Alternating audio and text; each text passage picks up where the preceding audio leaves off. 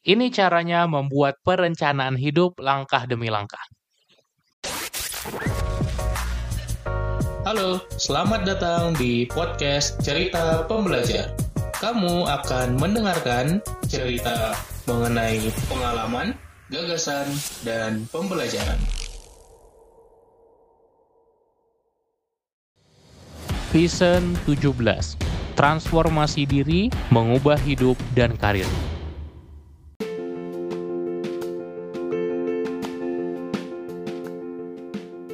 Hai, kembali lagi di podcast Cerita Pembelajar dan hari ini gua bakal bahas gimana cara kita membuat perencanaan hidup step by step. Langsung saja tanpa basa-basi ada tiga langkah yang perlu lo lakuin untuk membuat life planning atau sering gua sebut life and career planning. Sebetulnya karir itu adalah bagian dari life. Namun, biasanya orang tidak begitu tertarik gitu ya untuk membenahi hidupnya buat apa. Padahal sebenarnya karir yang dianggap orang penting hanyalah satu bagian dari life saja. Jadi kita akan sebut life planning. Life planning biasanya kita rencanakan dengan merincikan tiga hal. Yang pertama, yang sangat-sangat penting adalah life map. Jadi kalau kita mau membuat perencanaan hidup kita, kita harus bentuk peta hidup kita seperti apa termasuk juga goals-goals yang mau kita capai di setiap aspek domain kehidupan. Domain kehidupan ada banyak. Kalau gua ngajar biasanya ada 10, tapi gua akan sampaikan beberapa yang sangat penting aja. Yang pertama adalah kesehatan dan kebugaran. Itu adalah goal yang penting dalam hidup kita. Kemudian ada karir, termasuk bisnis kalau buat yang wirausaha. Ada manajemen keuangan, ada hubungan dengan orang lain, dan ada banyak lagi item-item lainnya. Jadi kita harus tahu dulu di setiap domain kehidupan apa saja yang penting buat diri kita. Apa saja goals kita. Lalu kita petakan kapan kita akan mencapai goals tersebut masing-masing. Karir kita ke depan, hidup kita ke depan, kita petakan dalam sebuah timeline. Ini yang kita sebut sebagai peta kehidupan atau life map. Jadi kita merincikan goals kita dan membuat masing-masing akan tercapai kapan. Bisa kita anggap sebagai deadline-nya atau target tercapainya sebuah goal. Yang kedua, yang nggak kalah penting adalah membuat plan membuat action plan atau rencana aksi. Gimana caranya kita bisa mencapai target target tadi. Gimana caranya goals-goals tadi bisa tercapai? Sebagai contoh, gue pengen menjadi seorang penulis buku bestseller. Apakah sekarang sudah tercapai? Belum.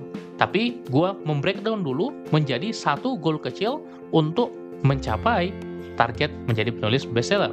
Gue menuliskan buku pertama gua. Dan alhamdulillah sekarang sudah tercapai, sudah terdistribusikan di banyak toko buku di seluruh Indonesia ya.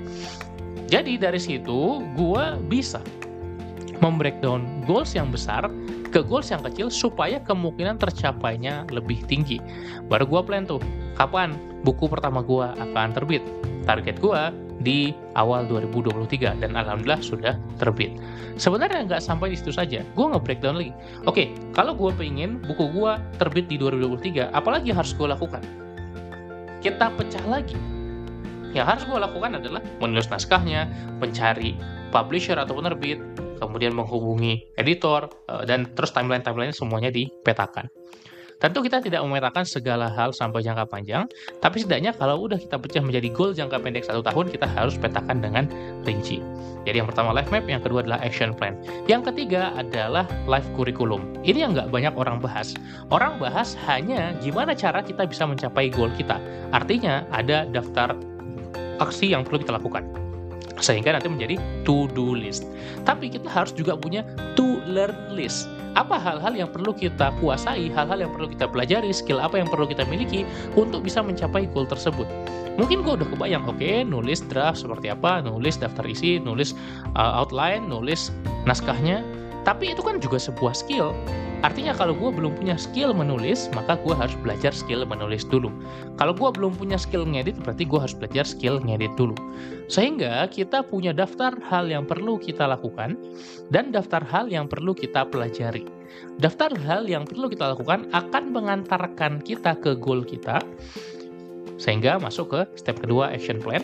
Sementara daftar hal yang kita pelajari akan mengantarkan kita ke goal kita lebih pasti, lebih akurat dan lebih cepat. Maka masuk ke bagian yang ketiga, yaitu life curriculum. So, apa aja tiga hal, tiga langkah yang perlu kita lakukan untuk merencanakan hidup kita?